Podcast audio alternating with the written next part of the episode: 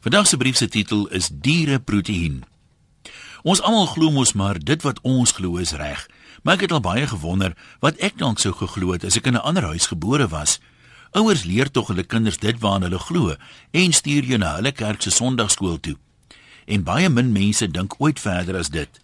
Soms is ons selfs geneig om neer te sien op dit waarna ander mense glo. 'n Mens kan seker 'n hele verhandeling skryf oor die rol van diere in verskillende gelowe. Hoe dit enigstens moontlik is dat sulke uiteenlopende gelowe kon ontstaan, kan ek glad nie verstaan nie. Maar ouma sê dit was by die toring van Babel. Ek gesien ons die naweek met iemand wat na sy studies alleen vir 2 jaar op 'n wêreldreis gegaan het. Sy vertellings illustreer duidelik die waarheid van daai stelling: travelling broadens the mind. Een van die goed wat hom bybly is 'n treinreis deur Sri Lanka. Twee ongelukkige voetgangers beland voor die trein en word doodgery. Die treinrywer klim uit en sleep hulle doodluiters, wel, dit het van die lyke oorgebly het van die spoor af, terwyl hy swets oor onnoosel mense wat hulle verdiende loon kry as hulle kortpad vat oor 'n treinspoor. Nog voor die polisie kan opdaag, gaan die reis voort. Die volgende dag tref die trein 'n koei. Nou in Suid-Afrika heers die mens oor die bees. Dis hoe hy sy Bybelse opdrag vertolk en verstaan, maar in Sri Lanka werk dit andersom. Die koei is 'n heilige dier en die trein word vir 'n dag lank vertraag terwyl allerlei rituele gevolg word. Dit was my vriend nie duidelik of dit gegaan het oor boetedoening nie of uit vrees dat die koei se familie dalk sou wraak neem op een of ander manier nie.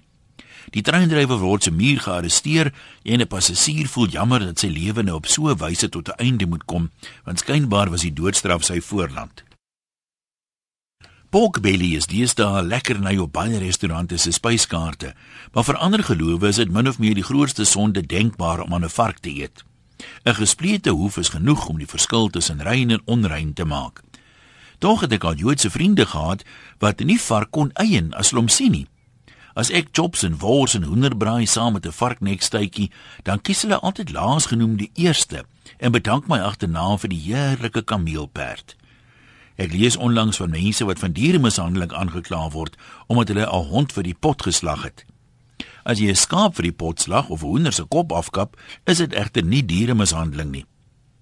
Ek het eers gedog die beskuldigdes was seker baie honger. Honger het immers al die oorlewendes van 'n vliegtuigramp in die Andesgebergte tot kannibalisme gedryf. Maar nee, die mense glo blykbaar die eet van hond verdryf bose geeste en beskerm jou dus. Blykbaar het sataniste weer dit hele moet katte maak. Ek weet gelukkig nie wat dit behels nie. Ek weet wel Kleopatra en ander Egiptenare het 'n heilige bewondering vir katte gehad en het beelde van hulle of is dit vir hulle gemaak. Ek weet nie of bekende wyne aan in Suid-Afrika na katte vernoem is nie. Honde spog wel met name soos Beyerskloof se Diesel en Milderbos se Faithful Hound en standbeelde is al vir hulle gebou. Al was hulle maar just a nuisance of selfs bliksems. Dit maak vir my sin wel ten minste ten dele dat mense kan verkies om vegetariërs te word of dat hulle sekere soorte vleis bo ander verkies of glad nie wil eet nie. Maar hoewel ek nie verstaan hoe 'n dier jou op die regte plek en hier na maals gaan kry nie of daarvan kan weerhou nie, moet 'n mens ander se geloof respekteer.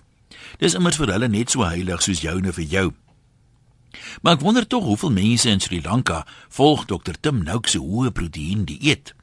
Groete van oor tot oor anonym.